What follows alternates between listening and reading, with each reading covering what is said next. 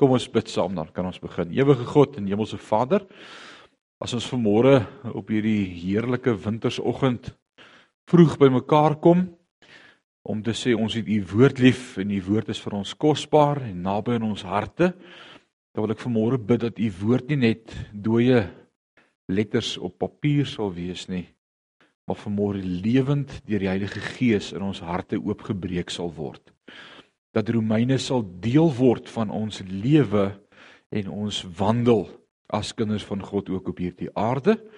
Aan U dan vanmôre al die lof en al die eer. Ons bely vanmôre ons afhanklikheid van U, Heilige Gees, en daarom bid ek vanmôre dat U self met ons vanmôre ook hierdie woord sal deel. Is my gebed in Jesus naam en sê ons sê amen en amen. Die oggend die Romeine sekerlik een van die mees spesiale boeke in die Bybel, Romeine. Hoekom is Romeine een van die mees spesiale boeke in die Bybel? Omdat dit die enigste boek is wat Paulus ooit aan 'n gemeente geskryf het wat hy nooit self besoek het nie. Jy het dit geweet. Al die ander boeke wat Paulus geskryf het in die Nuwe Testament, skryf hy aan die Korinte want hy was daar en hy het gesien hulle het baie moeilikheid.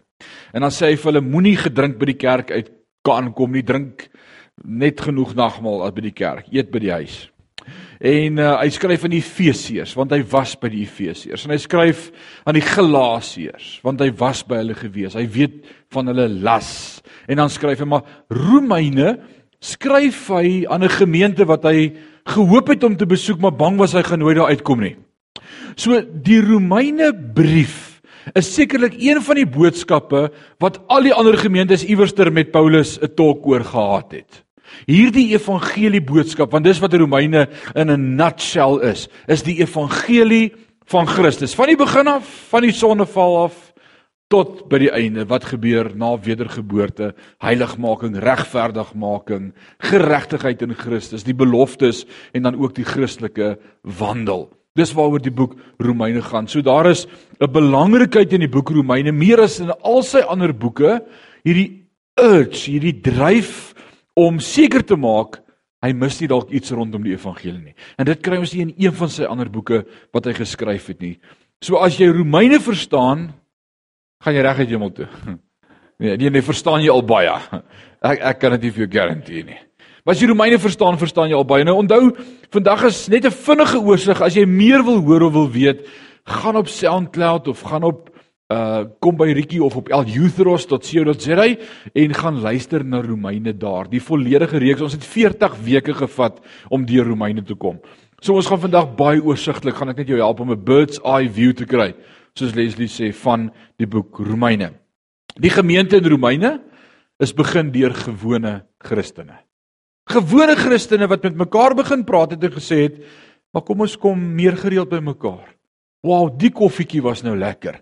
Ons het nou so lekker oor Here gepraat. Kan ons dit nie volgende week weer doen nie? Kan ons nie vir Piet ook nooi nie? Ek weet hy is ook 'n kind van die Here. En so het Piet volgende week bygekom en toe was hulle 3. En toe sê hulle, "Wow, dit was 'n blessing. Kan ons nie vir Kobus en sy vroutjie ook nooi nie? Hulle is nog jonk op die pad. Ek het hulle nou die dag na die Here toe gelei." En so die gemeentetjie begin groei uit gewone Christene uit. Hy's nie geplant nie. Daar was nie 'n apostel wat soontoe gestuur is nie of 'n disipel van Christus wat gesê het ek begin 'n gemeente nie. Dit was 'n spontane groepering van kinders van die Here. Alraait. Hoe het hulle die boodskap gekry en dis die wonder van die woord van die Here wat hy vir ons leer daar Handelinge en ook Matteus 28:19 as hy sê gaan dan heen maak disippels. Iewers het iemand iets gehoor langs die pad. Iemand het iemand Jerusalem gaan besoek en die boodskap gekry en gehoor van Christus en teruggekom en begin praat oor Christus die Messias en dan die wonder en dit gaan ons nou in hierdie eerste twee hoofstukke sommer van die begin af sien is God praat met elkeen in sy hart. Alraait dit is belangrik om dit te onthou Dis een van die maniere hoe die evangelie ook uitgedra word, is in jou hart. So Romeine is deel van die boodskap van die evangelie. As jy met 'n nuwe ling die evangelie boodskap van Christus wil deel, ek kan nie 'n beter beter boek voorstel as die boek Romeine nie. Jy gaan enige nuwkamer in die evangelie, gaan jy deur die boek Romeine met hom te hanteer, gaan jy vir hom presies sê wat behels Christendom van sonde af, belydenis Christus, wedergeboorte, die doop, alles tot hoe jou wandel is in jou verhouding in die gemeente. Ander boeke deel met spesifieke probleme, maar die Romeine oor die inhoud van die evangelie, sekerlik soos Paulus ook in elke ander gemeente op 'n dag verduidelik het. Nou hoofstuk 1, nou die eerste vraag wat ons vanmôre vir mekaar vra as ons kyk na hoofstuk 1 is wie het die boek geskryf? In die eerste 17 verse van Romeine 1 skryf vir ons oor die outeur. Paulus skryf so 'n bietjie oor homself. Eerstens in vers 1 sê hy 'n diensknegt van Jesus Christus, iemand wat tot vandag toe beskikbaar is vir diens van die meester. Hy sê ek is uitverkoop. Daai Griekse woordjie is die woord doulos. Dan word ek besit nie myself nie, ek word besit en ek is in diens van iemand anders. Dis vir my 'n vreeslike mooi karaktereintrek van enige kind van God wat sê ek is nie in beheer van myself nie. God beheer my. Wie van julle kan vanmôre sê ek is 'n doelos vir Christus? Jy moet oppas wat jy sê, né? Jy moet nou mooi dink voordat jy sê ja, ja, ja, ek is 'n doelos. Want as jy jou aan 10 uur wakker maak en jy sê nou staan jy op en nou begin jy bid vir die en vir die, dan sê jy nee, ek lê nou te lekker. Doelos sê ek is uitverkoop. Behoort nie aan myself nie. In vers 5 sê hy deur wie ons genade ontvang het. Daar's iets wat hy daarvan sê. Hy sê ek het iets geproe genade. Daai Engelse woordjie vir genade is die woordjie grace Wat sê grace? Undeserved, unearned, unmerited favor. Guns by God gevind. Dis wat genade is. Ek kan nie daarvoor werk nie, ek kan dit nie verdien nie, ek kan nie iets doen om mense te impress nie, ek kan dit nie erf nie. Dis alles God se genade. In vers 1 sê hy geroepe apostel, hy was 'n apostel geweest. In die tweede plek sê hy deur wie vers 5 ons genade en die apostelskap ontvang het. Hy sê ek het my apostelskap van God af ontvang en dan wil ek sommer iets ingooi vanmôre om te sê daar is nie meer vandag apostels nie. Asseblief. Die oud of nie nie. Daar is nie apostels nie. Hoekom kan daar nie apostels wees nie? Om apostels te kon wees, moes ek 'n getuie wees van die opstanding van Jesus Christus. Ek moes dit kon getuig daarvan. Dit was wat 'n apostel kon doen. Jy moes deur Christus persoonlik uitgestuur geword het om 'n apostel te wees. En hierdie brief het bindende gesag, hierdie opdrag van God af. En ek wil sê daar's nie vandag meer apostels nie. Paulus het eenmaal aan die Korintiërs gesê, "Die teken van apostel is met my." En ons weet daar was wonderlike tekens wat hom vergesel het, duidelike tekens. In die derde plek, wie skryf hierdie brief? Hy was ook 'n sendeling gewees. Dit sien ek in vers 1, 9, 14 en 15. Afgesonder tot die evangelie van God vers 1. Vers 9, God wat ek in my gees dien in die evangelie van sy seun.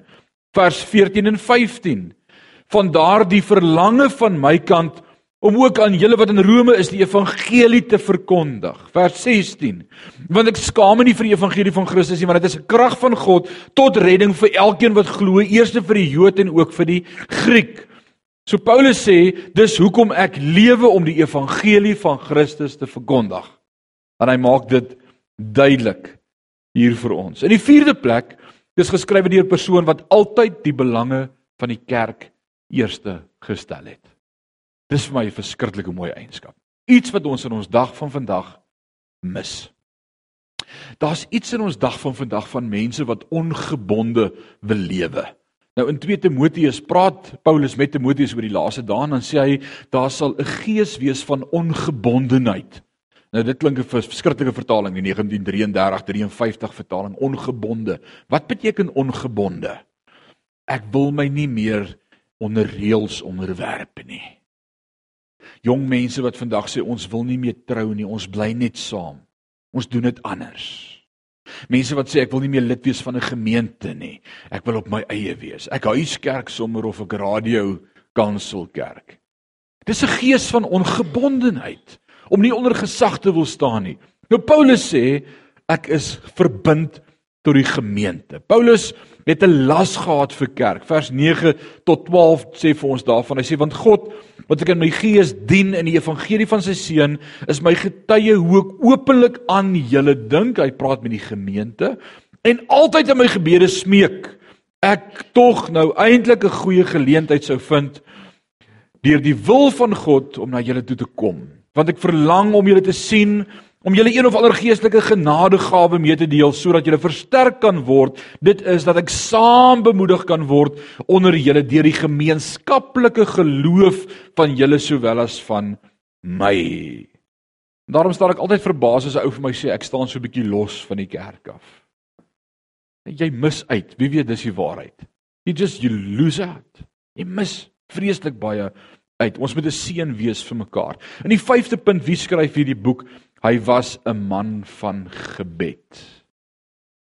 Paulus was 'n man van gebed, vers 10 sê, en altyd in my gebede smeek of ek tog nou eintlik 'n goeie geleentheid sou vind om deur die wil van God na julle te kom. En dit is alles wie die boek geskryf het. Nou kom ons gaan verder. Die volgende vraag wat ek wil vra is aan wie is die boek Romeine geskryf? En dis alles deel van hierdie eerste hoofstuk. Vers 6 sê onder wie julle ook geroepenis van Jesus Christus is. Ek ek wil 'n oomblik hier pos. Jy moet verstaan as Paulus met gemeentelede praat, dan spreek hy hulle aan as geroepenis van Jesus Christus. Het jy ooit al aan jouself gedink as 'n geroepene van Christus? Het jy gedink is net pastore? en evangeliste en sendelinge en dalk kerkraadslede. Paulus praat met gemeentelede en hy sê julle moet verstaan, julle is geroepenis van Christus. En ek wil jy moet iets vandag, al vat jy net dit huis toe sover. Ek is 'n geroepene van Christus. Hy jou geroep om die evangelie boodskap te hoor en om sy kind te word. 'n Christen is iemand wat geroep is. Wat wat sê Jesus vir Saggeus? Hy sê vir hom Saggeus, klim af. Ek gaan vandag by jou tuis gaan. En daar was 'n ontmoeting met hom. God roep ons. Alraai, so geroepe heiliges vers 7, vers 8 sê hulle was ook gelowiges. Oor julle almal dat die hele geloof verkondig word in die hele wêreld. Almal praat oor hulle geloof. Hy sê ek het gehoor van julle geloof. Julle is gelowige mense, gewone mense, nie teoloë nie. En daarom is Romeine vir elkeen van ons bedoel. Romeine is nie 'n moeilike boek nie. Want hy skryf vir eenvoudige gewone Christene. Alraai, dis nie 'n teologiese intellektuele reusagtige boek nie. Waaroor gaan Romeine?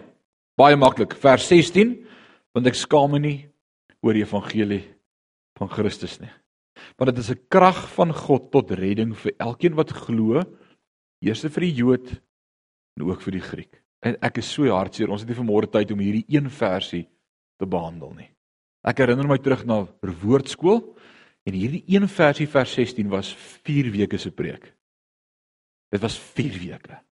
Want hier so ongelooflike baie waarheid hierin. Ek skaam my nie. Dit was 'n preek op sy eie. Die evangelie van Christus was 'n preek op sy eie. 'n krag tot redding was 'n preek op sy eie. Eers vir die Griek en dan vir ons. Hoekom? Of eers vir die Jood en dan vir die Griek. Hoekom so om? So kry woordskap. Die evangelie het sy oorsprong in God. Vers 1, afgesonder tot die evangelie van God. Vers 2, wat hy tevore beloof het deur sy profete in die heilige skrifte. Vers 3, aangaande sy seun wat gebore is na die vlees uit die geslag van Dawid vers 4 en dat die gees van heiligheid met krag verklaar is as die seun van God deur die opstanding uit die dode Jesus Christus ons Here. En is dit nie die evangelie boodskap nie? In 'n nutshell is dit die evangelie boodskap. Dis presies dit. Regverdigmaking, justification. En dis 'n woord wat ons vandag 'n paar keer oor gaan gesels. En, en dis een term wat jy moet verstaan vandag voordat jy hier uitgaan is wat beteken regverdigmaking en later gaan ons nog baie meer daaroor sê maar hier's die probleem kom ek skets vir die probleem dan gaan jy verstaan. Alraai God is heilig. En ons as mense is onheilig. Wie kan sê amen? Stamp in jou man sê sê amen. Alraai ons is onheilig. Met ander woorde Die mens is sonder God. En dis die probleem wat Paulus in die eerste plek wil klein kry en wil hê dat die hele gemeente moet verstaan wat is ons posisie. ons vertrekpunt. Jy het God nodig. So as hy dan nou sê wat hy sê en die goeie nuus wil bring, moet jy eers met die slegte nuus begin. Is dit nie so nie? Ek dink hierdie is 'n goeie talk. Ek ek kyk op TV as hulle daar op daai verkoopskanaal. Het julle al gekyk? Ek wil my doodlag. Dis soos Tom en Jerry vir my in die huis. Hulle wil hierdie Bauer pan aan jou verkoop. Maar dan wys hulle eers vir jou hoe sleg kan panne aanbrand. En ek sien daai pan wat my ouma grootjie het nie so pan gehad nie, maar hulle het hierdie ou panne en is swart en dit brand en dis rook en sy staan daar met 'n brandblusser. Dis soos rarig. Kan dit so erg wees? En dan bring hulle hierdie Bauer pan en dan sê hulle, "Maar hier is 'n pan wat nie kan aanbrand nie." Selfs die suiker wat smelt, tip jy net so uit dan loop die karamelsous uit. Dit is amper dit wat Paulus hier kom doen aan die begin. Hy kom eers vir jou vertel jy moet een ding verstaan want dalk dink jy die evangelie is nie vir jou nie en hy wil seker maak elkeen verstaan jy die evangelie nodig en daarom begin hy met verlorenheid. Hy begin deur vir jou te sê jy's niks. Sonder God in sonde jy kan nie gered word nie. Nee, nee Jood, jy ook. Jy al het jy die wet. Sorry vir jou. Al is jy besny, nee nee nee, jy ook. Niemand nie. Jy kan dit nie maak sonder God nie. En dan begin hy met die goeie boodskap.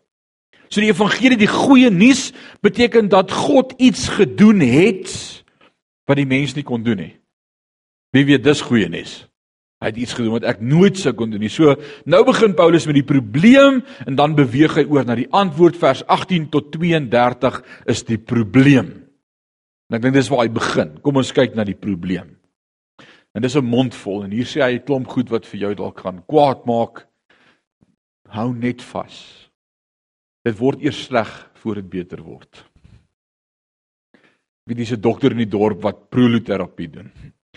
En as jy nou om toe gaan met 'n skouer of 'n knie of 'n been, dan sê hy vir jou ek gaan jou inspuit, maar dit gaan eers vir die eerste 3 dae verskriklik seer wees. En dan gaan die pyn weggaan. En weet jy wat is regtig so? So hier kom die pyn. Alraai.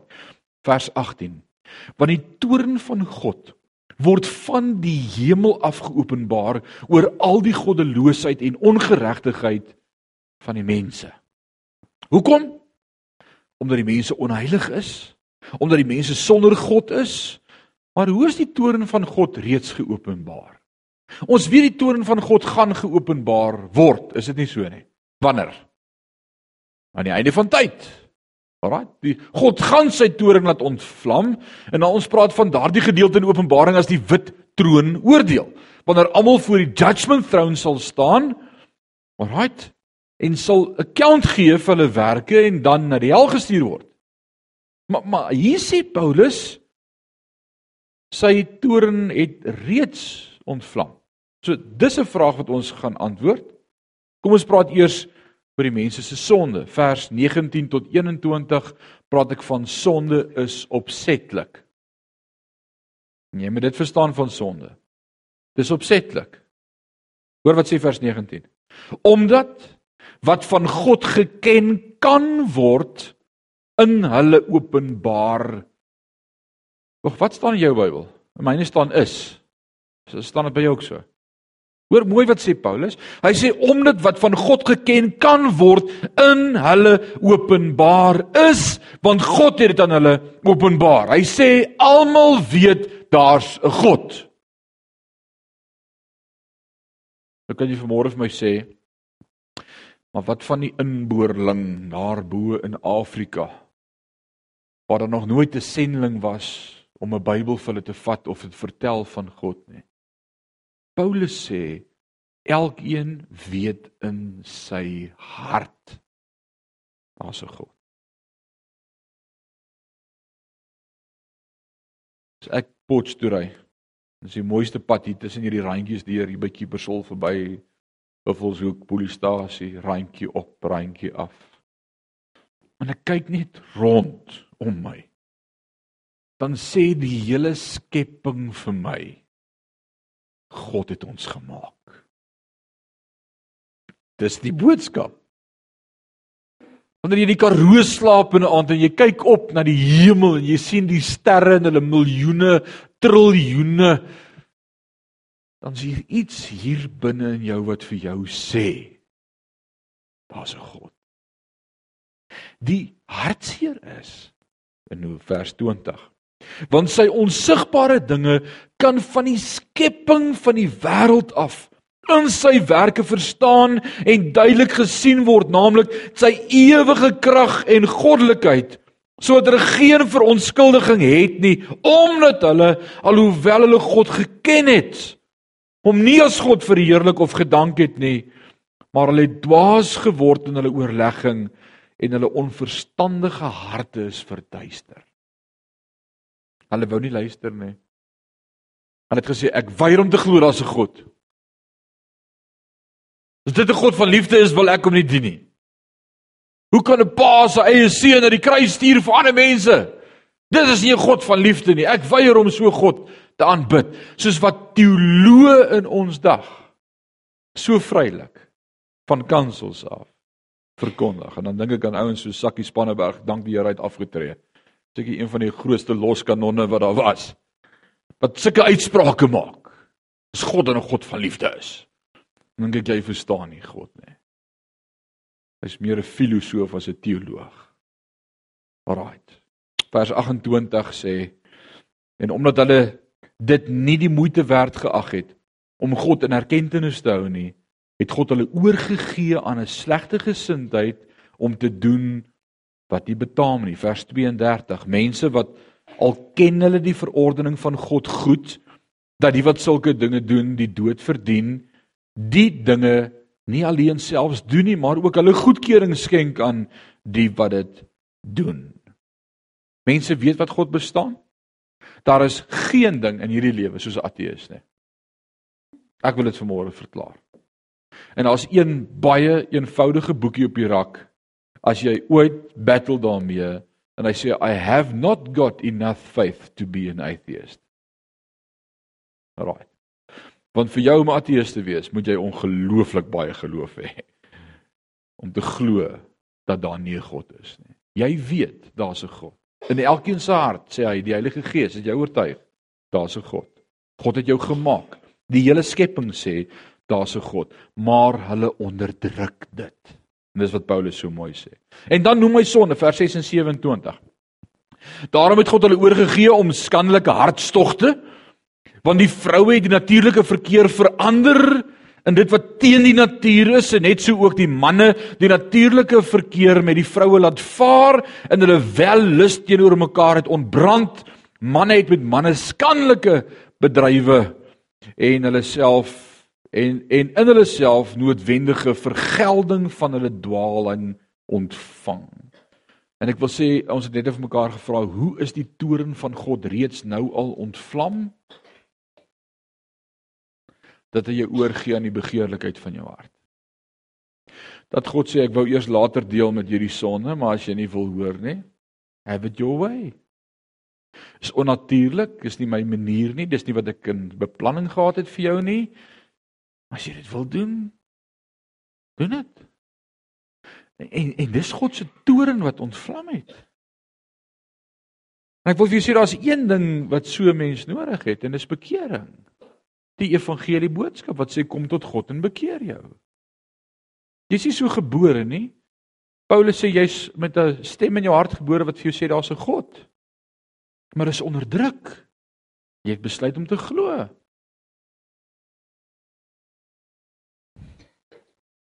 So wat is God se toring?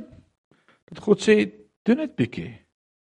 Ek wil sê mense wat sondig weet dat hulle sonde doen, Dit wil sê dis moetswillig en opsetlik. Wie van julle doen sonde en julle weet dit nie? Jy gaan dit doen as jy jou hand opsteek. nee, Paulus sê as jy sonde doen, weet jy dit. My oudste seun was 2 jaar oud. Enigste seun in die huis, net ek en my vrou en my kind. Dan kom ek in die kombuis, dan het hy die stoel nader gesleep, op die stoel geklim, die glasbottel se deksel afgetel, 'n koekie geëet die krummel sit nog om sy mond, dan vra ek vir hom, "Wie het 'n koekie gevat?" Sê, "Nee, ek nie."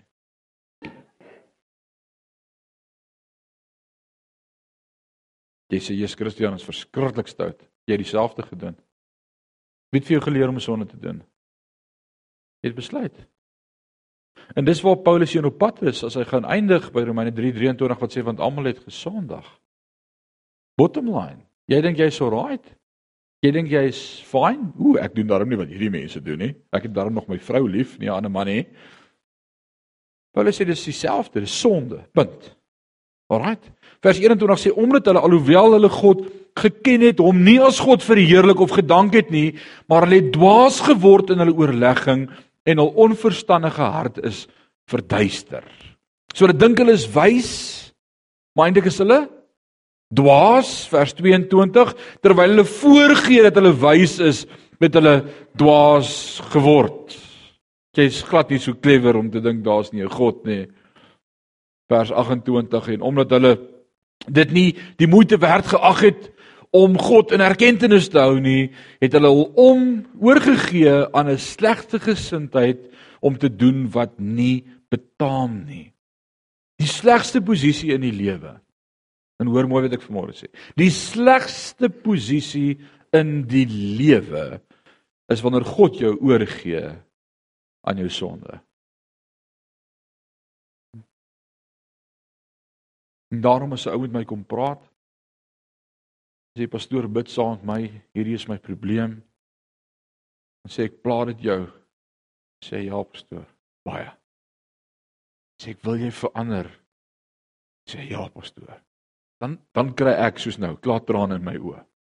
Want dit sê vir my hy hoor nog die stem van die Heilige Gees. Maak my opgewonde.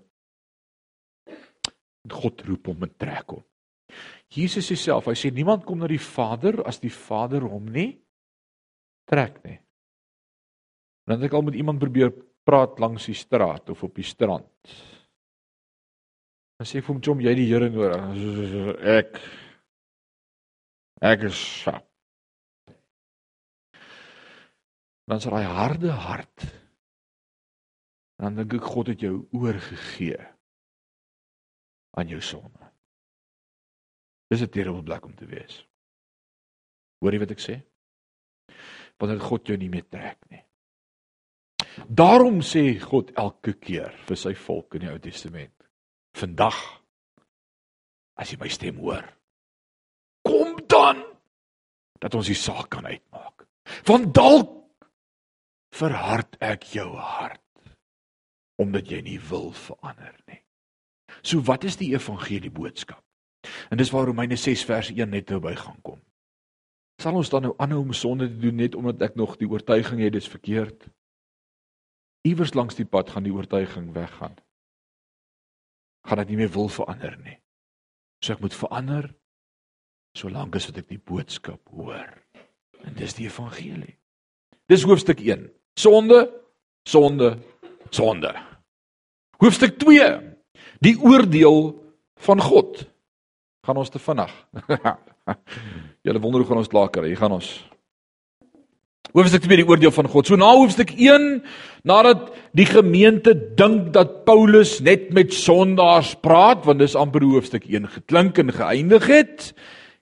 En nou kan hulle dalk vir mekaar sê soos wat ons baie keer in die kerk met mekaar doen en sê, "O, jy gehoor?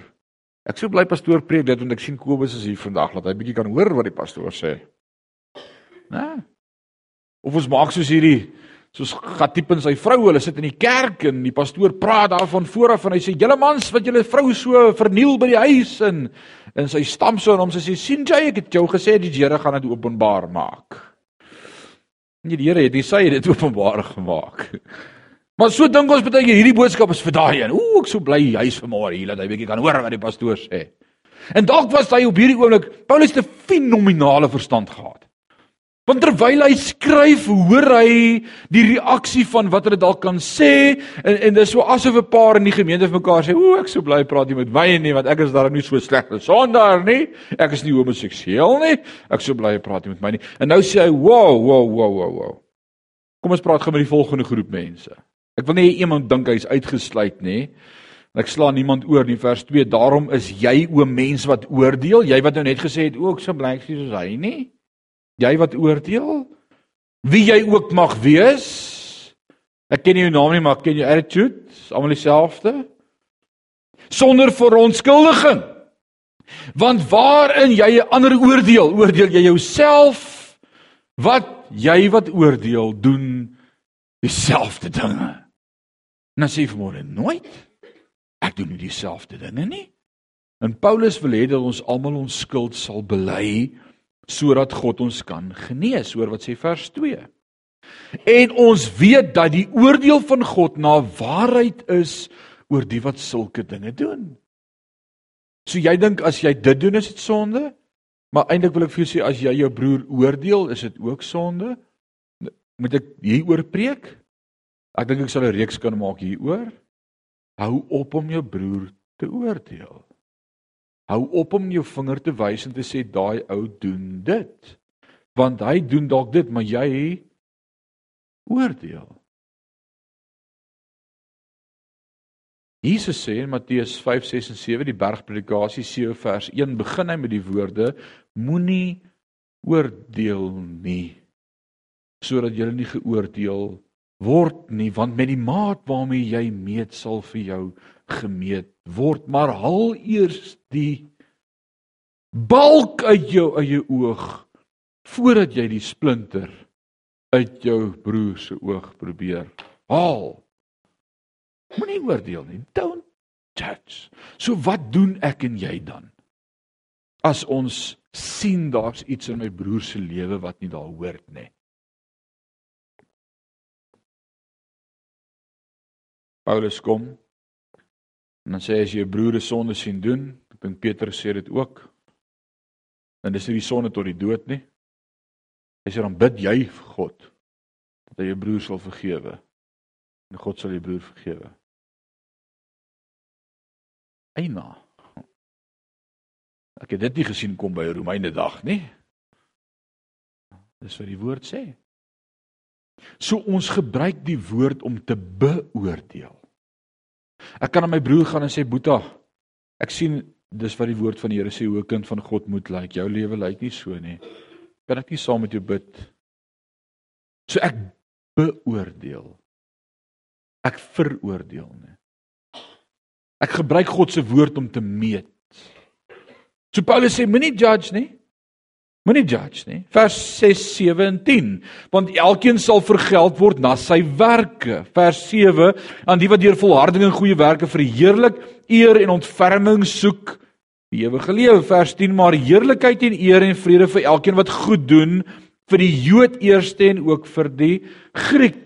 Vers 8 en 9 maar aan die wat eie sinnig en aan die waarheid ongehoorsaam, maar aan die ongeregtigheid gehoorsaamheid, grimmigheid en toorn, verdrukking en benoudheid oor die siel van elke mens wat kwaad doen, oor die Jood eerste en ook oor die Griek.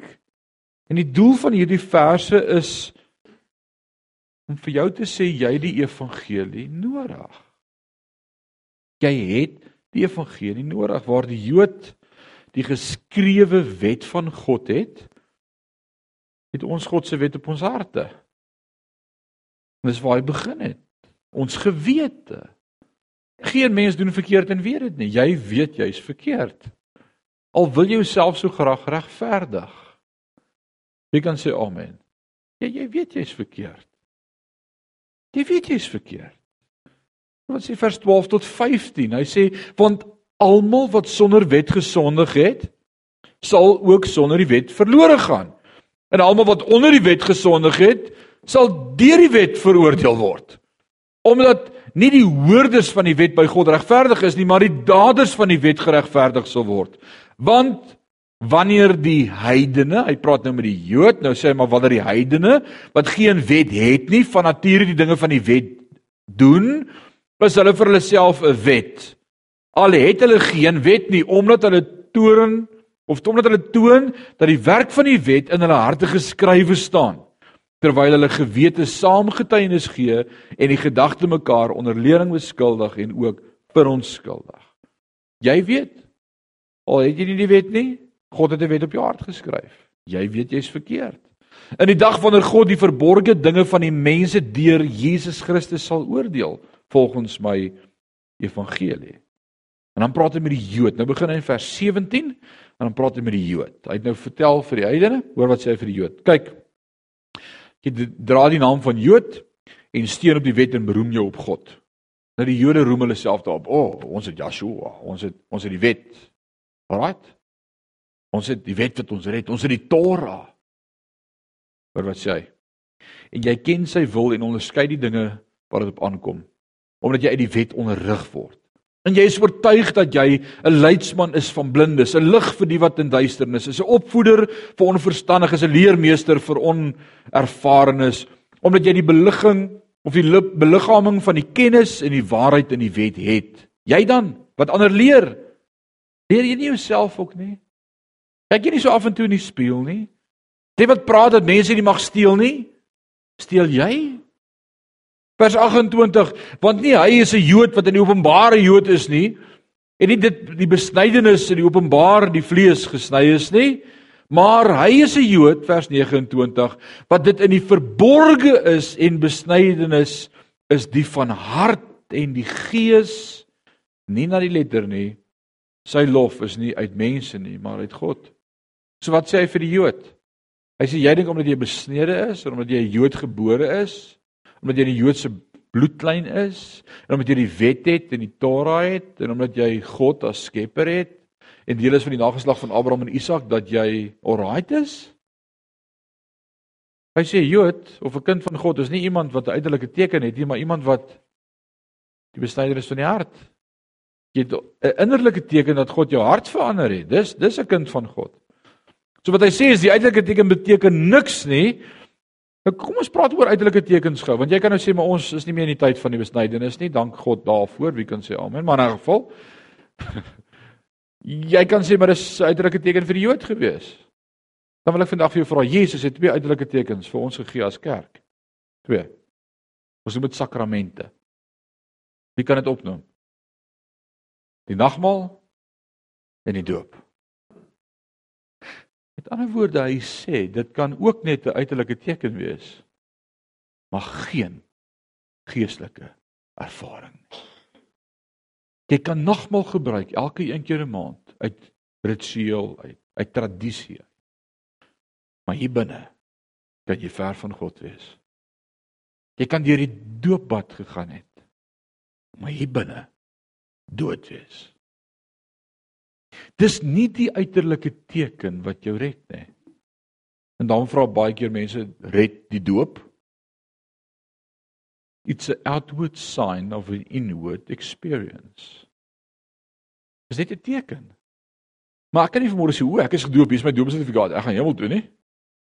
Ek sê jammer vir jou as dit jou mening is daaroor. Maar Paulus sê dit beteken niks.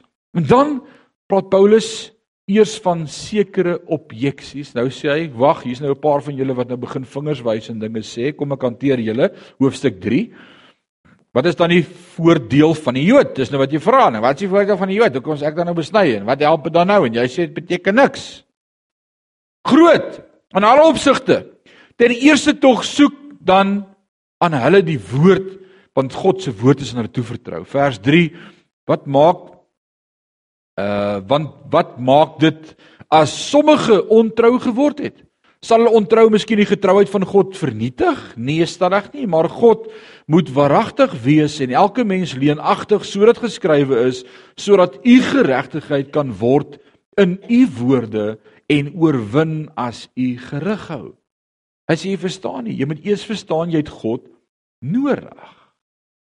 So nou doen Paulus 'n interessante ding en hy wys vir ons van vers 11 af almal is sondaars. Ek dink dis die hart van hoofstuk 1 2 en 3. Dis waarheen hy begin opwerk om te sê jy gaan nie 'n verskoning hê nie. Jy het in jou hart geweet, o, jy het die teken gehad, jy was 'n Jood, o, jy was besny, o, maar daar niks in jou hart gebeur nie. Jy het nie 'n verskoning nie. Jy is eintlik maar nog steeds sonder die wet. En dan kom hy van vers 11 af in hoofstuk 3. Daar is niemand wat verstandig is nie. En daar is niemand wat God soek nie. Is dit 'n verskriklike stelling? Wat sê jy daarvan? Wat sê jy daarvan? Daar is niemand wat verstandig is, nê? En daar is niemand wat God soek, nê? En dan kan jy vra maar Dis maak my baie ongemaklik want ek soek na die Here. Wie die werk in jou begin? God. Maar voordat God die werk in jou begin het, was jy dood. En ek wil hê jy moet hierdie trant onthou. Dit wat ek nou vir jou begin sê want ons gaan dit 'n paar keer deur Romeine sien.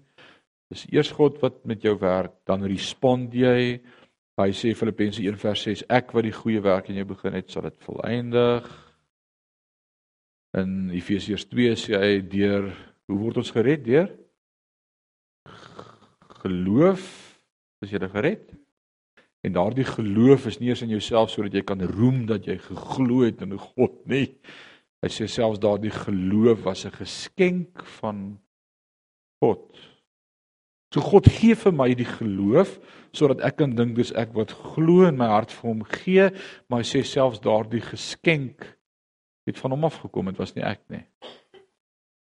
En dis iets wat Paulus baie ernstig is op elke keer om te vir jou te laat verstaan jy het niks met jou redding te doen gehad. That's humbling. That's humbling.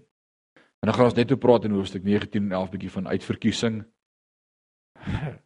Gaan nog lekker raak vandag. En dan kom Paulus in vers 11 en hy sê daar's niemand wat verstandig is nie. Niemand wat God soek nie. Vers 12 sê hulle het almal afgewyk saam met hulle ontaard.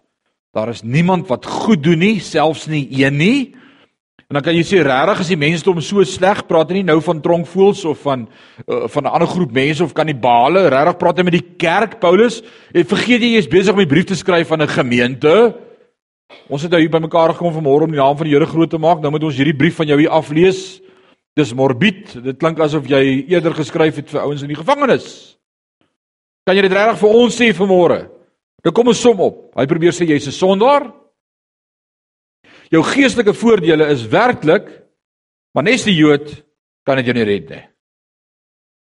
Jy kan nie gered word daardeur nie. Jy het geen verskoning nie. Niemand gaan kan sê hy het nie geweet nie. Jou lewe, jou optrede, jou taal, jou gedagtes is alles walglik vir God.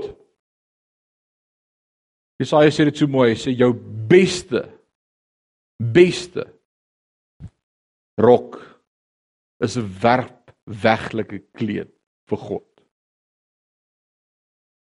A filthy rag. Jy skuldig? En daar's geen hoop vir jou nie. Ek dink dis die beste posisie wat enige mens ooit kan ervaar. Want dit was die dag in my lewe toe ek dit besef wat ek tot God kon uitroep en hy my lewe kon verander. Te min mense kom by hierdie plek in hulle lewe uit. Waar hulle verstaan sonder hom is ek niks. Ons probeer vir mense boeke skryf oor voel net beter oor jouself. Praat positief. Kyk in die spieël. Noem die dinge wat God oor jou sê. Man God kan niks oor jou sê totdat jy nie besef jy's verlore nie. Ek dink ons skiep die hart van die evangelie baie keer as ons met mense praat oor God. Jy moet eers vir 'n ou vertel hy's op pad hel toe.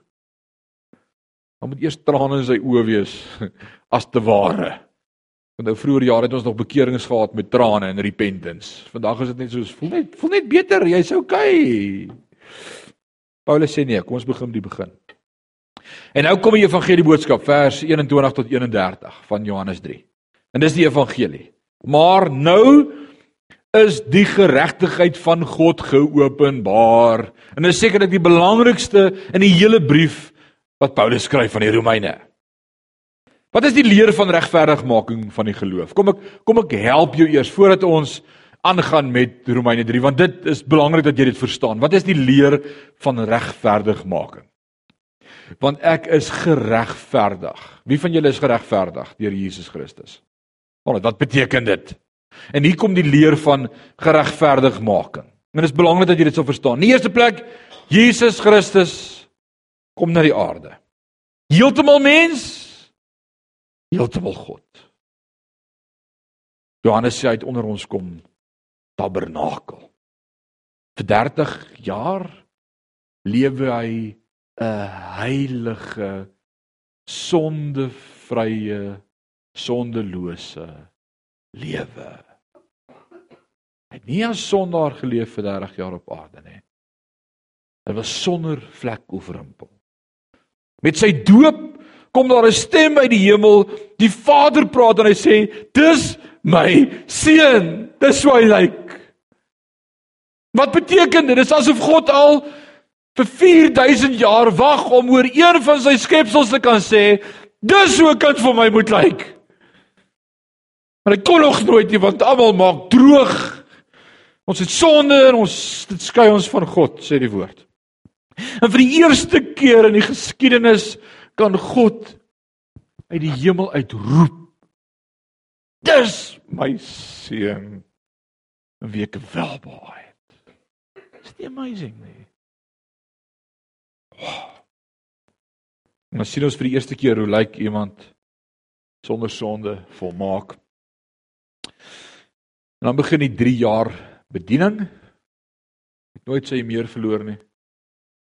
Hy het nooit kwaad geword vir iemand nie. Hy het nooit iemand in 'n lepietjie ingestuur nie. Hy het nooit 'n deur toegeklap nadat die fariseërs sy bloeddruk opgewerk het nie. Sy spring het nooit uitgehaak nie. Hy het nooit 'n woord gesê waaroor hy spyt gehad het nie. Hy het nooit vir iemand gaan sê gaan draai die kerkie op die ander hoek nie, ek's besig nie. Vir 3 jaar dien hy die mense. Wat wil hulle doen? Hulle hom doodmaak. Maar hy is altyd waardig en heilig en dan sterwe hy aan die kruis. Nie net 'n geestelike kruisiging nie. Fisiese dood. Fisiese marteling. Omdat ek vir jou sê vanmôre die toorn van God oorvlam oor Jesus. Daardie 3 uur aan die kruis was hel. God straf Jesus vir 'n mensdom se sonde. Vir my vir jou. En Jesus roep uit na 3 ure en hy sê dit te les daai en dit wil sê dit is volbring dan it's done. Ou maar is die mooiste woorde wat ek ooit kon raak lees in die Bybel. Dan deel is gedoen. En dan staan Jesus op uit die dode. En Jesus ontmoet sy disippels. Stuur hulle uit. Matteus 28:19. Gaan, gaan, gaan, gaan, gaan maak disippels, vertel vir hulle van die goeie nuus. Sê vir hulle dis gedoen. Die hele boodskap, die hele hart van die evangelie verander oornag kry die kerk 'n nuwe boodskap. Vir die eerste keer word daar 'n kerk gebore. Handelinge 2 Hulle kry krag uit die hemel, die Heilige Gees woon met hulle. Wat moet ek en jy doen om gered te word? Ons moet met ons hart glo en met ons mond bely. Dit is regverdigmaking. Dis wat dit beteken. Nou hier kom regverdigmaking. Dit is 'n 'n regsterm wat gebruik word. Alraai.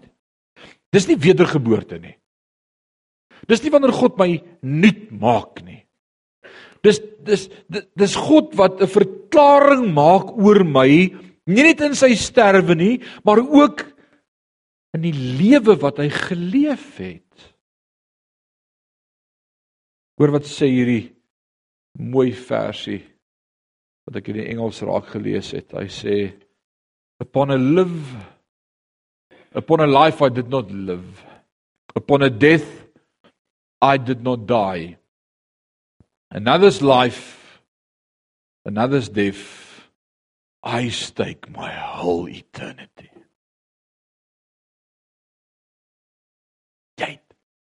Niks gedoen vir die ewige lewe nie. Upon a life I did not live.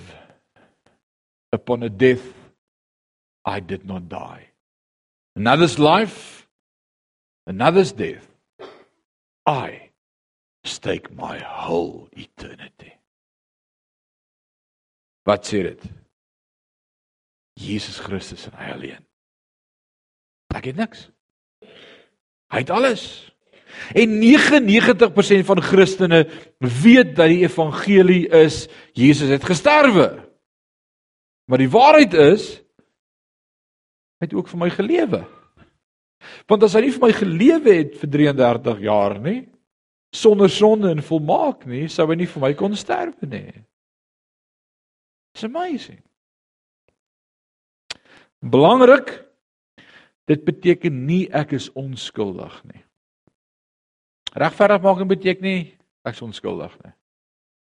Dit beteken die sonde of die straf is my nie toegereken nie.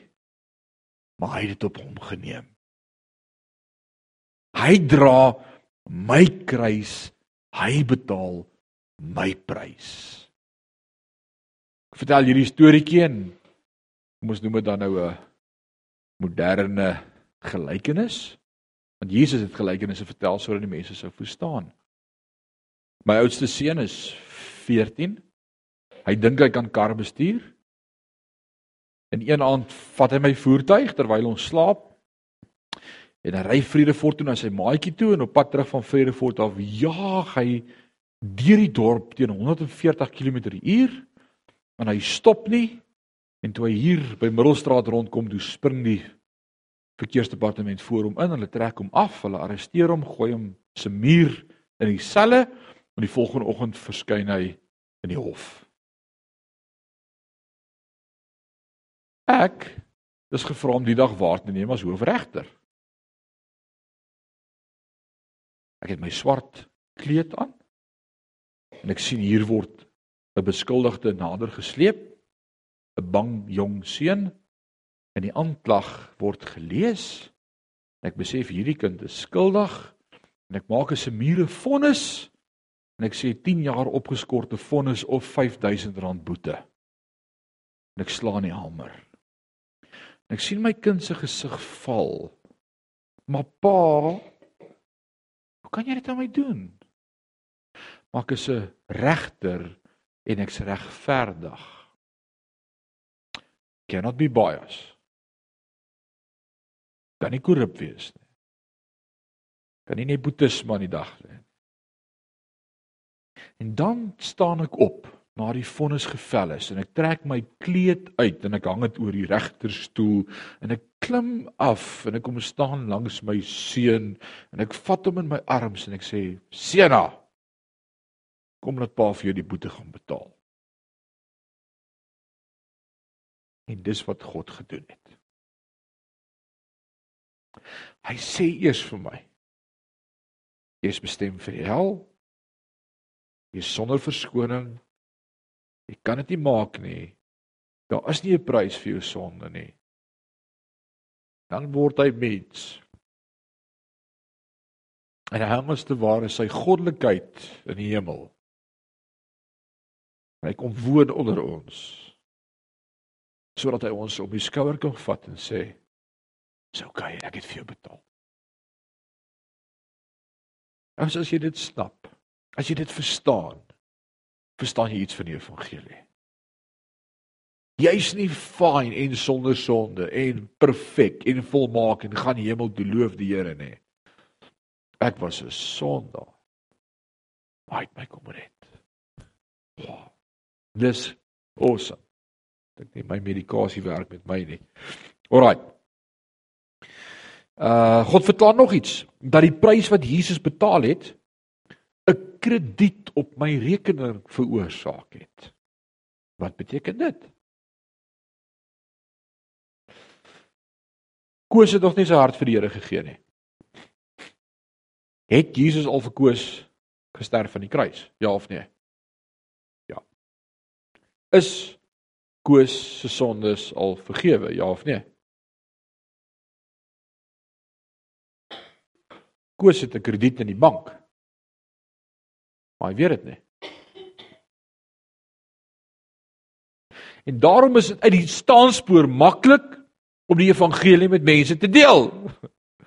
Want jy weet iets wat hy nog nie weet nie. Jy het geerf. Jy het die ewige lewe geerf.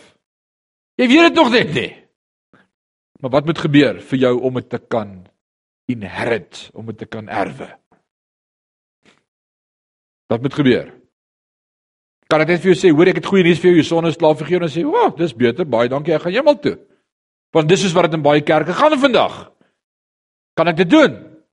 Wat moet gebeur vir hom? Met sy sonde bely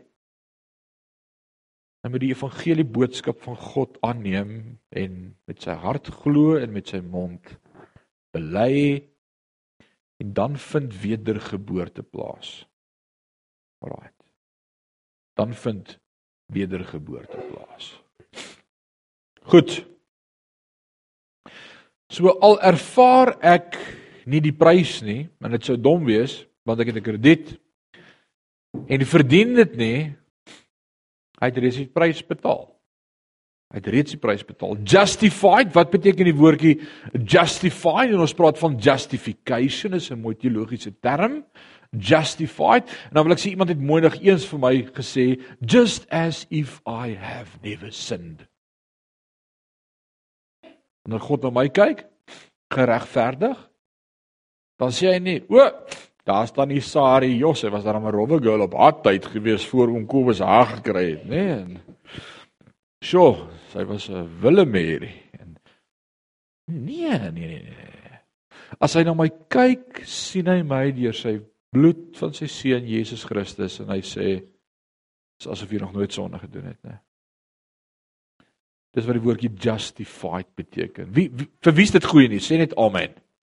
Dit is ongelooflike goeie nuus. Ons kyk na mekaar en dan sê ons, "O, daar's ou dronk Piet of daar's daar's langvingers koes of daar's ons onthou." As God na jou kyk, sê hy justified. Justified. So kom ons kyk na die teks. Vers 21. Maar nou is die geregtigheid van God geopenbaar sonder die wet. Terwyl die wet en die profete daarvan getuig. Die geregtigheid naamlik van God deur die geloof in Jesus Christus vir almal en oor almal wat glo, want daar is geen onderskeid nie.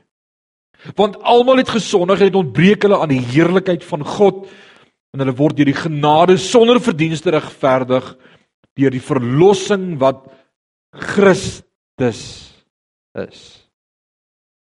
Hom het God voorgestel in sy bloed as 'n verzoening deur die geloof om sy geregtigheid bewys deurdat hy die sondes ongestraf laat by het wat tevore gedoen is onder die verdraagsaamheid van God om sy geregtigheid te toon in die teenwoordige tyd sodat hy self regverdig kan wees en regverdig maak wie uit die geloof in Jesus is.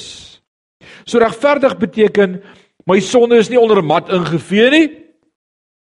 Maar Christus het daarvoor betaal. Dis nie uitgewis nie. Hy sê ek het uitstel gegee in die verlede. Ek het dit nie uitgewis en gesê dis gone nie. Daar's daarvoor betaal op grond van wat hy gedoen het. Nou kom ek help gou vir jou met 10 punte van regverdigmaking uit hierdie gedeelte uit. Dis vir ons gegee deur God. Vers 21. Dis nou beskikbaar.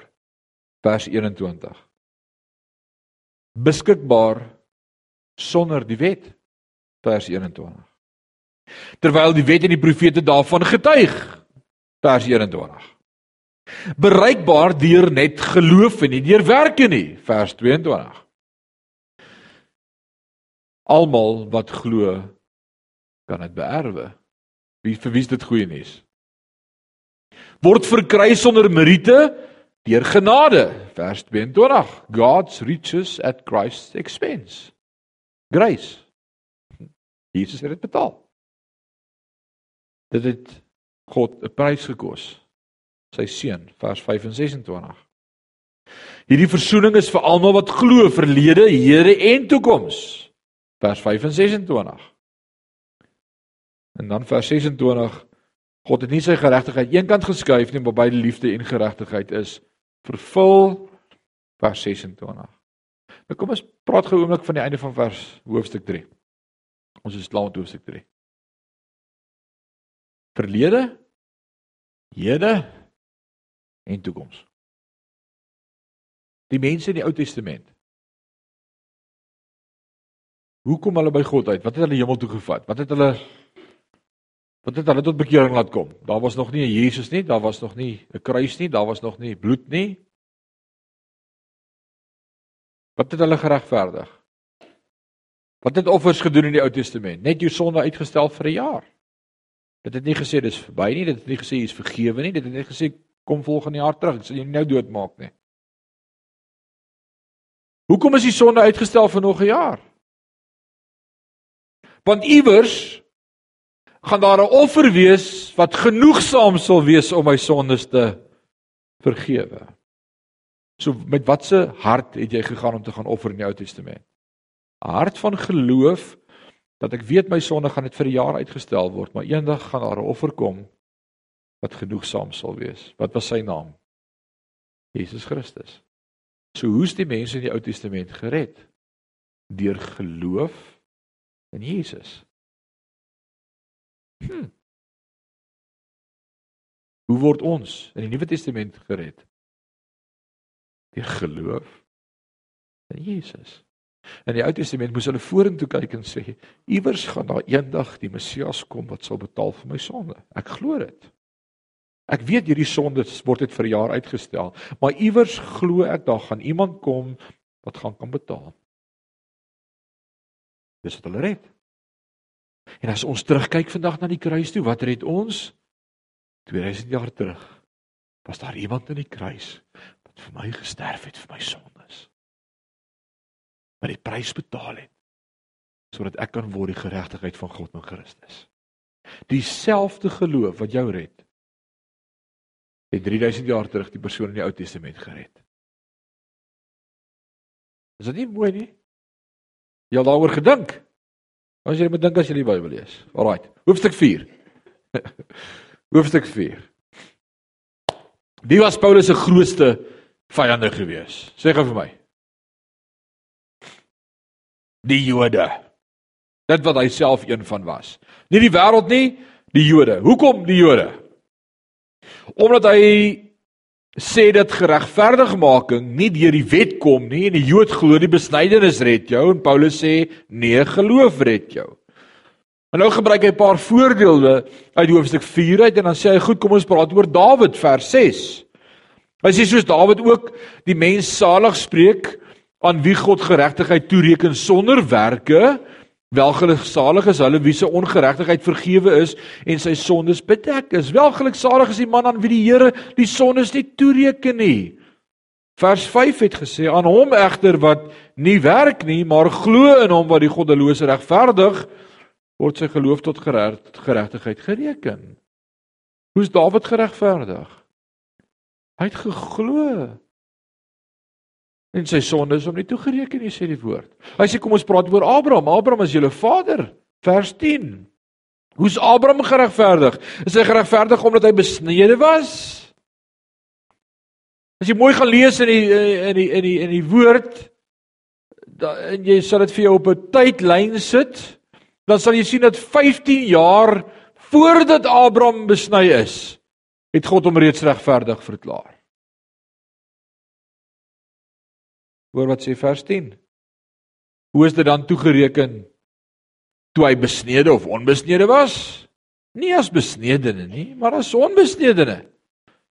En hy het die teken van die besnedenis ontvang as 'n seël van die geregtigheid van die geloof toe hy nog nie besny was nie, dat hy die vader sou wees van almal wat glo terwyl hy onbesnede was, sodat ook aan hulle die geregtigheid toegereken sou word.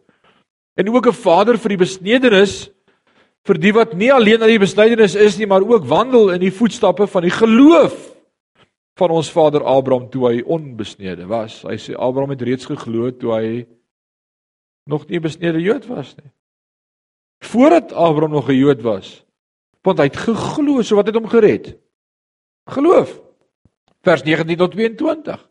En sonder om te verswak in die geloof het hy Al was hy omtrent 100 jaar oud, nie gelet op sy eie liggaam wat alreeds verstorwe was nie en die verstorwe toestand van die moederskoot van Sara nie, En hy het nie deur die geloof aan die belofte van God getwyfel nie, maar hy is versterk deur die geloof en het aan God die eer gegee.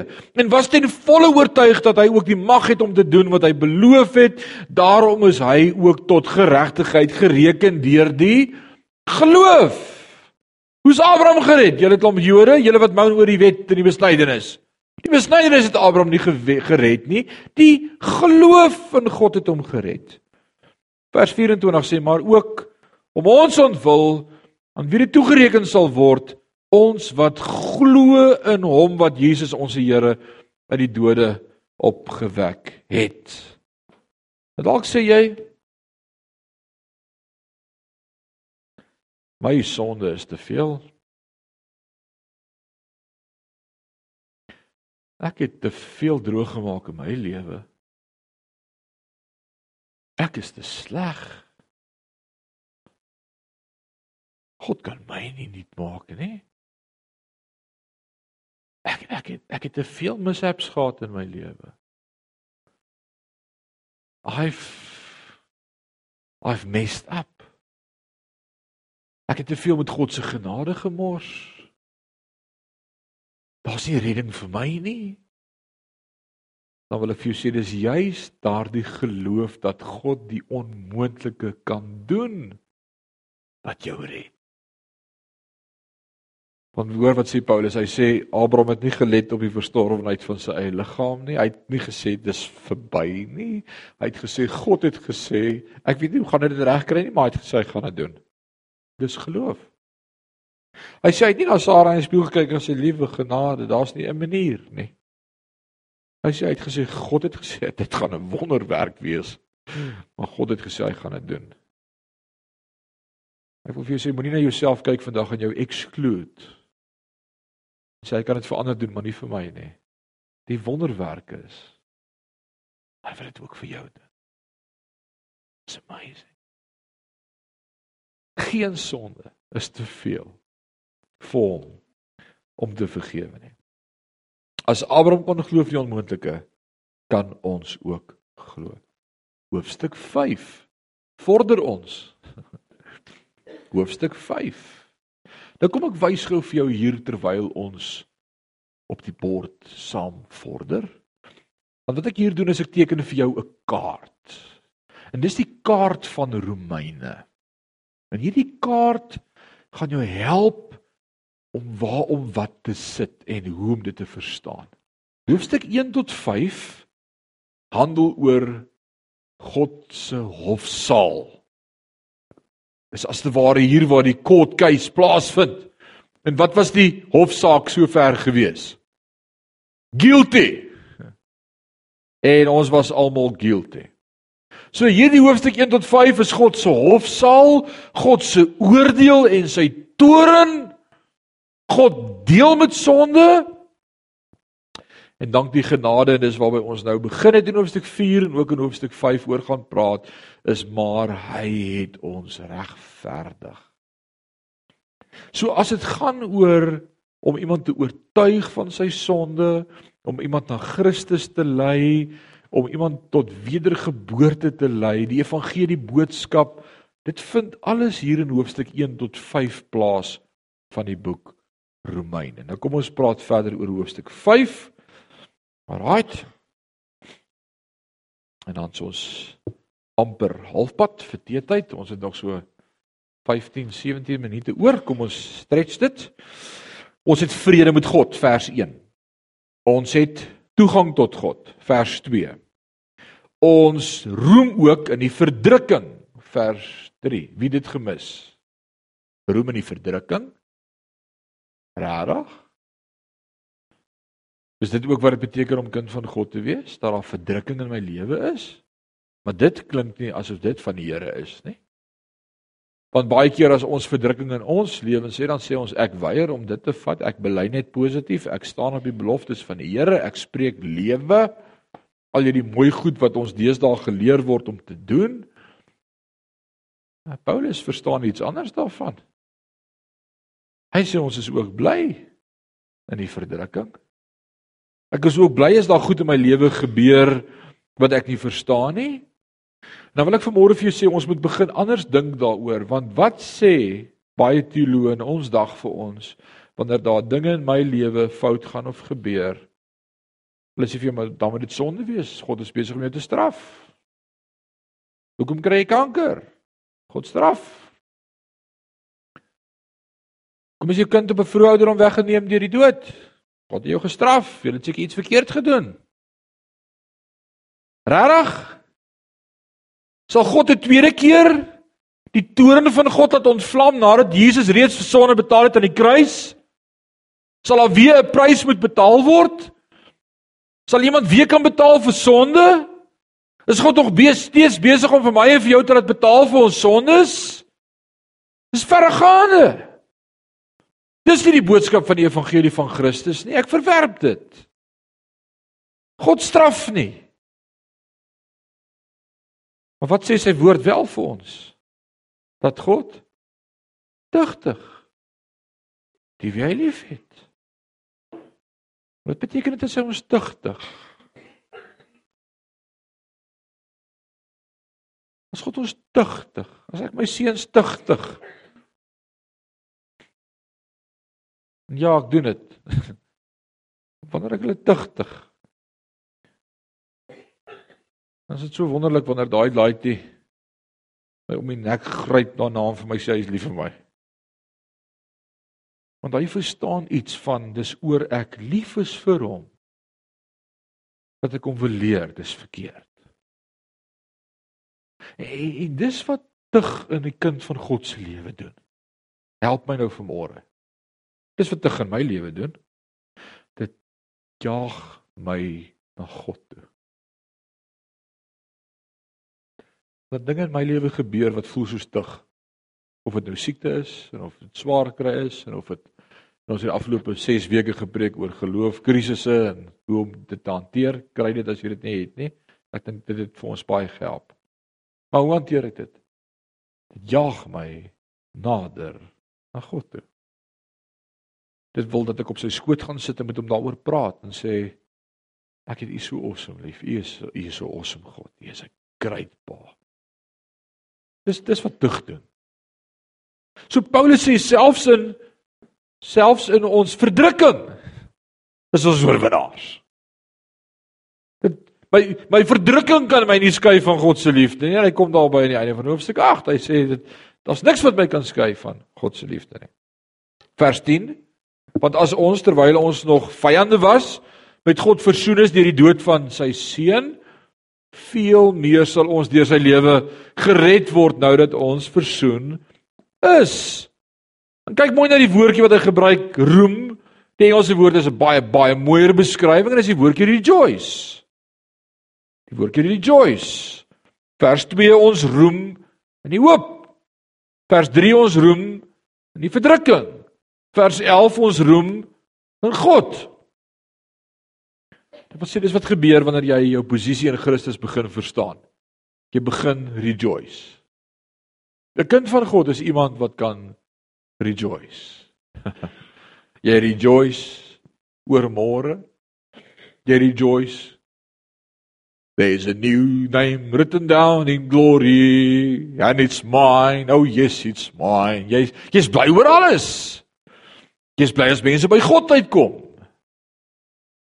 En selfs as daar dinge aan die deur klop wat nie so nice is nie, dan sing jy dan maar saam met my niks sal my skei van sy liefde.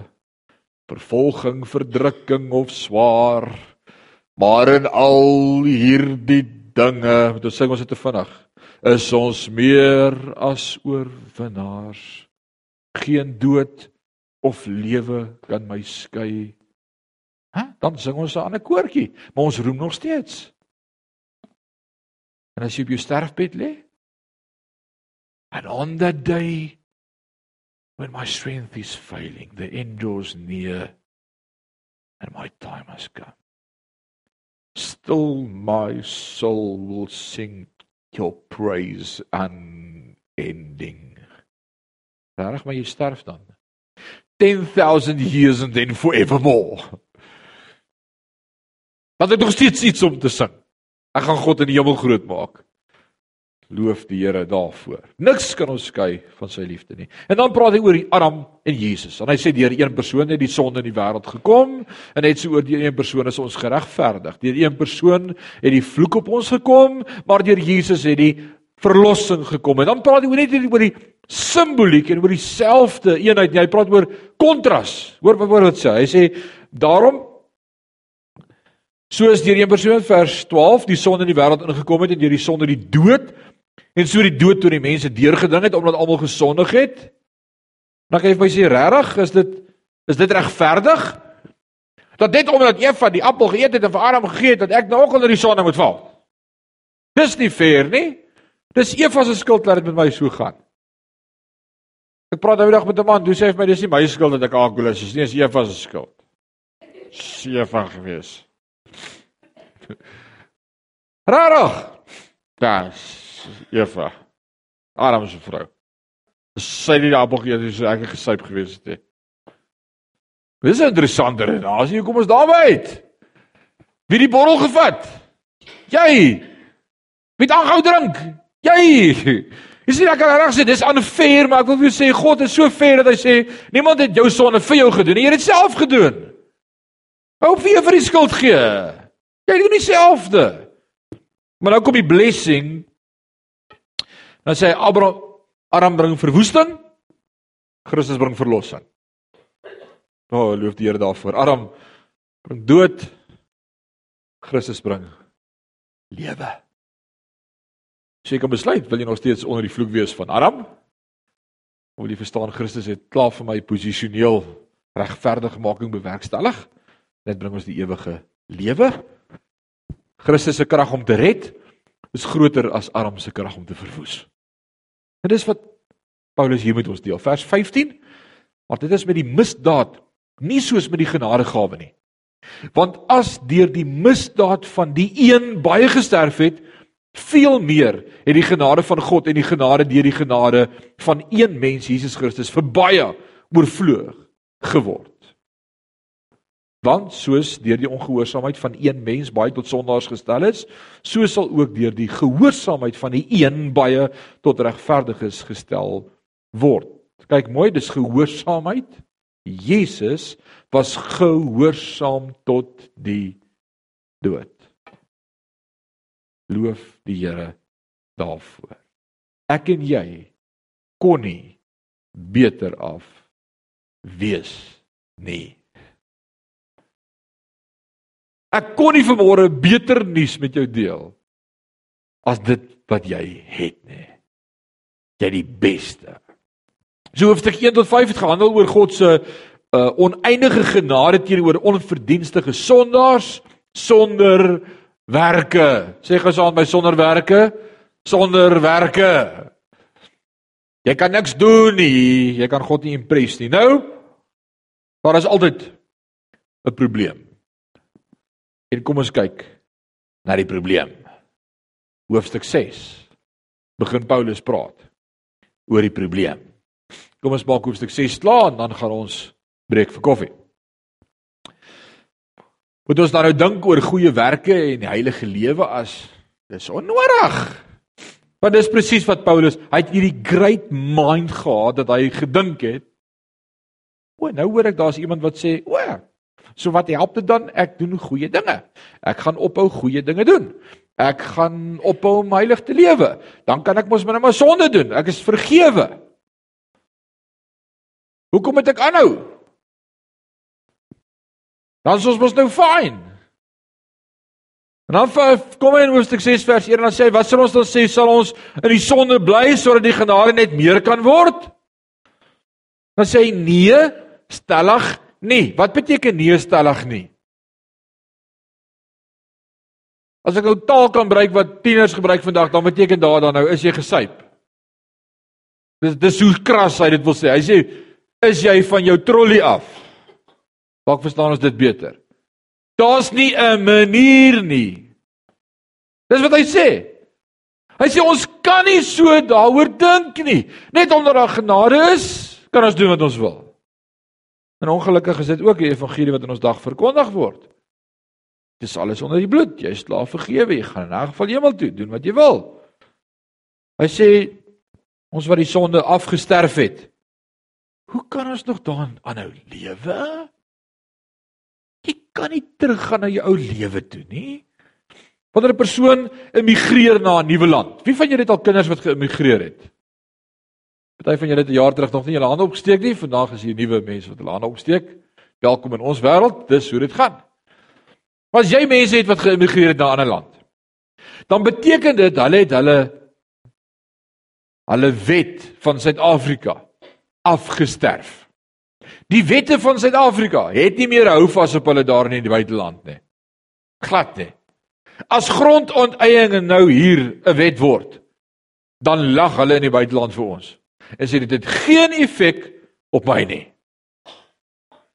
Maar daar het 'n ander ding ook gebeur.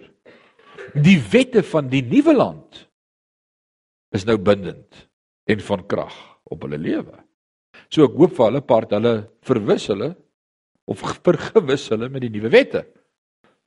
Want dinge wat by ons dalk aanvaarbaar was, is daar onaanvaarbaar. So daar's 'n nuwe stel reëls, maar jy's nie sonder wet nie. En dis wat Paulus hier probeer kommunikeer. Hy sê ons is nou afgesterf vir die sonde, maar daar's nuwe reëls vir ons as kinders van God. En dan kom hy in vers 11 en 12 en hy sê so moet julle ook reken dat julle wel vir die sonde dood is. Vir daai stel reëls is jy dood. Maar Jy's nou lewend vir God en vir Christus, ons se Here. Daar's 'n nuwe stel reëls.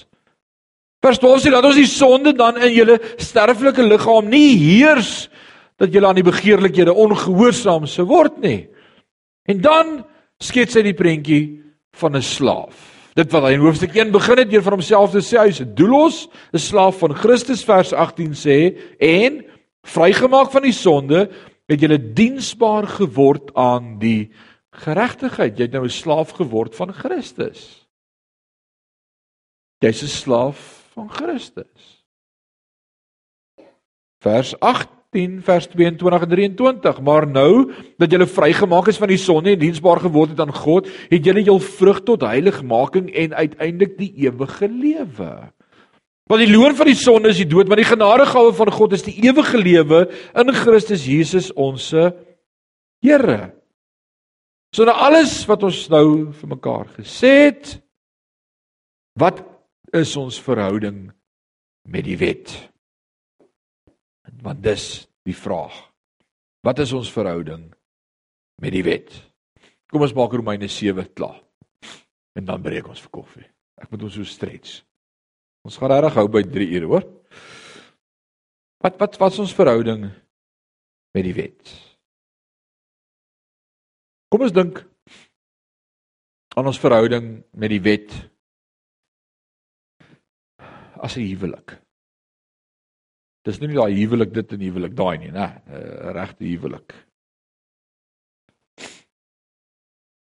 'n Kontrak tussen twee partye, want hy, hy hy hy noem dit daar in vers 3. Hy sê daarom dan as 'n ander man as sy 'n ander man se word terwyl haar man lewe, sal sy egbreekster genoem word, maar as die man sterwe, is sy vry van die wet sodat sy nie die egbreekster is as 'n ander man se word nie. Vers 4: So my broeders, is julle dan ook ten opsigte van die wet dood deur julle liggame van Christus om aan 'n ander behoort te behoort, naamlik aan hom wat uit die dode opgewek is, sodat ons tot eer van God vrugte kan dra. So voordat ek by Christus was, was my fokus op sonde. Ek het behoort aan die sondelike natuur, die wet van sonde, dit hou vas op my gehad. Nou dat ek in Christus is, is my fokus op God. En kom ek vertel vir julle hierdie illustrasietjie van meneer bachelor, wat sal ons noem? Kom ons noem hom vandag meneer Volmaak. Onthou julle meneer Volmaak se storie? Meneer Volmaak ongetroude enkellopende jong man, 'n dinamiese leier op alle gebiede, finansiëel welvaart. van adel afkoms. En hy kort 'n huishoudster. En hy adverteer in die koerant, advertensie, hy kort 'n uh, huishoudster. Wat is 'n mooi woord vir huishoudster? nee, nie 'n daddy of 'n vrou nie. Hy kort huishoudster, Louis, ons sien wat gaan in daai huis aan, ons sal kom huisbesoek doen. En uh sy doen 'n aansoek vir die werk en met die onderhoud kyk hy haar vierkantig in die oë oor die tafel. Glad geskeer, mooi gekamde hare, soet aan, das. Skoene is gepolish. Jy kan deur 'n ring trek, meneer volmaak. Dit wat sy van. Maar hy voer die onderhoud met haar en sê vir haar onthou net in hierdie huis is daar sekere dinge wat geld. Elke maandag, elke Vrydag nuwe skoon beddegoed. As jy vir my tee maak, geen teenblare in die drein afgooi nie. Ek soek my etes 7 uur, 1 uur, 6 uur. Op tyd, nie 'n sekond laat nie. Hou nie van koue kos nie. Dis hoe ek wil hê jy moet dit doen. As ek so maak en daar stof, as jy gefire. 'n hele lys reëls. Sy het oor dit gedink. Sy het gesê kan vaar die werk hier, dit is reg nodig gaan my bes te doen, gaan probeer. Sy het hierdie reëls dag vir dag afgesloef om dit te onthou in haar kop kort kort toe die yskas gaan lees reël 5 oog gehad, ek het dit gedoen, maak dit reg op tyd. O, amper brandetjie kos. Dis sy die heel dag, dit was net wet, wet, wet, wet, wet. En iewers in die volgende 5 jaar Sy begin hou van die jong man en hy van haar. En toe word sy sy vrou. Dis nie Louise se storie wat ek vertel nie, hoor. Toe word sy sy vrou. Hulle is getroud. Sy trou toe met meneer volmaak. Want daar was nie net daai nou is ons getroud, nê. Dit was nog steeds die wet. 7 uur, 1 uur, 6 uur ete.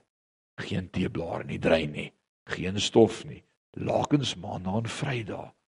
Dit was werk, werk. Vir wie klink dit soos huwelik? Alraai, maar dit was werk, werk, werk. Moenie nou amen sê nie verkeerde tyd kom vir berading. Werk, werk, werk, werk, werk, werk, werk. Naderhand toe besef sy ek kan nie vir die res van my lewe so aanhou nie breek myself vir hierdie man en daar's nie eers 'n tikkie waardering nie. Op tyd stap hy by die deur in elke dag 7 uur ry hy by die huis. Hy's nooit laat nie. Hy's onberuspelik. Ek kry nie fout met hom nie. Ek kry nie rede om met hom te beklei nie want alles is net volmaak. Ek kan dit nie meer hou nie. Dis te volmaak. En toe besluit sy sy gaan hom vergiftig. En sy kry haar seun en sy besluit tot hier toe iemand gaan doodgaan in hierdie verhouding en dit gaan nie ek wees nie. En sy begin hom vergiftig. In sy kos sit sy arseën. Maar omdat hy by elke oggend 'n uur voordat hy werk toe gaan, gaan gym en hy drink 7 liter water 'n dag, pomp sy volmaakte niere die arseën uit sy liggaam uit, hy word nie eers siek nie. Dit maak hom nie eers grys nie, sy hare val nie eers uit nie. Hy's te volmaak. Hy sou volmaak sy hom nie dood nie. En dit dryf haar teen die mure uit. Tot eendag laat sy dit verloor en sy stap uit die huis uit en klap die deur toe en gaan stap in die reën. Sy loop net. Jy al so gevoel in lewe, net 'n loop. En sy stap. En daai ander wil sy stap vang sy 'n koue. Dit word longontsteking. Sy lê in die bed by die huis en sy bewe met koors en daar's niemand om na te kyk nie want meneer volmaak is by die werk. En sy besef O God, ek kort 'n dokter, ek gaan doodgaan. En toe snap sy dit. Maar dit gaan die enigste manier wees wat ek gaan vrykom van hom. Is ek moet sterf. En dit asof sy haar attitude verander en sê bring dit aan. Ek kan nie wag om dood te gaan nie. Wat sê Romeine 7 vir ons? Paulus sê jy moet sterf vir die wet. En al hoe jy kan sterf vir die wet is om te sê meer van Christus in my en minder van my. Want solank as wat ek nog hier binne regop staan en septer swaai, is ek in stryd met die wet. Wat het gebeur in Romeine 6? Dan hy praat oor die doop, hy praat oor die begrafnis, hy praat oor ons het gesterwe saam met Christus en ons het ook saam met hom opgekom. Daarom leef ek nie meer nie, maar hy lewe in my. So wat gebeur met wedergeboorte? Wie leef nou? Ek of Christus? Sou nice wees as ons almal kon sê Christus, maar ek ken julle almal. En ek weet jy dra nog 'n stukkie van jouself saam met jou elke dag. En jy's nog in die vlees. Jy verloor jou hier meer. Jy vlieg van jou hendels af. En jy spring uit. Jy sê dinge wat jy nie moet sê nie. Jy het nie wag voor jou mond nie, want jy lewe. So wat kom Romeine 7 doen hy met my en met jou? Hy hy motiveer jou om te sterf. En ons is nie vandag een of ander sekte wat net nog aan pille uitdeel en sê kom ons sterf almal vandag nie want te veel vat dit so ver. Ek dink hy motiveer jou om te sê jy moet leer om geestelik dood te gaan sodat Christus kan gestalte kry in jou lewe, sodat hy kan meer word in jou, sodat as die wêreld na jou kyk, hulle nie jou sien nie, maar God. En dan sê hy 'n paar goed later in hierdie hoofstuk, hy sê want dit lyk vir my in die vlees dien ons een wet, maar met die gees 'n ander. Want hy sê die dinge wat ek nie wil doen nie, dit doen ek. En die dinge wat ek wil doen, dit doen ek nie. As ek my vanmôre voorgenem het, vandag gaan ek dit doen. As ek weer kan kry dan sit die dag verby en ek het dit nooit gedoen nie. As ek sê ek gaan nie weer my mond aan drank sit nie, as jy weer kan kry dan jy 'n bottel leeg gedrink. As jy kry nie reg om te doen wat jy wil doen nie. Nou wie se lewe lyk so? Is dit 'n kind van God se lewe of 'n sondaar se lewe? Wie dink julle van wie skryf hy hier? Skryf hy van sondaars? Hulle kan nie doen wat hulle wil doen nie en hulle doen wat hulle nie wil doen nie. Dis hoe sondaars lyk. Nee, ek wil sê dis 'n gewone Christen. Moenie nou sê amen nie, maar dit was 'n goeie tyd om amen te sê. Jy weet in jou hart, amen. So jy lyk, so ek lyk. Neem my voor ek gaan dit nooit weer doen nie. Here help my. En as ek weer sien aan daai vlees dit gedoen. En dan sê hy ons moet dit afsterf. En dan wil ek sê hierdie afsterwe proses en kom ek help jou vandag daarmee want dit vind nie net in een oomblik plaas nie. Is 'n proses van heiligmaking om elke dag die vlees af te lê van sy begeerlikheid. Dis die Here Jesus alweer. En ons praat weer oor dieselfde onderwerp. Maar ek vertrou nog steeds dat U my kan help dat ek dit sal afsterwe. En dan sê hy ons is in hierdie proses om die sonde af te sterf en meer en meer te word soos Christus.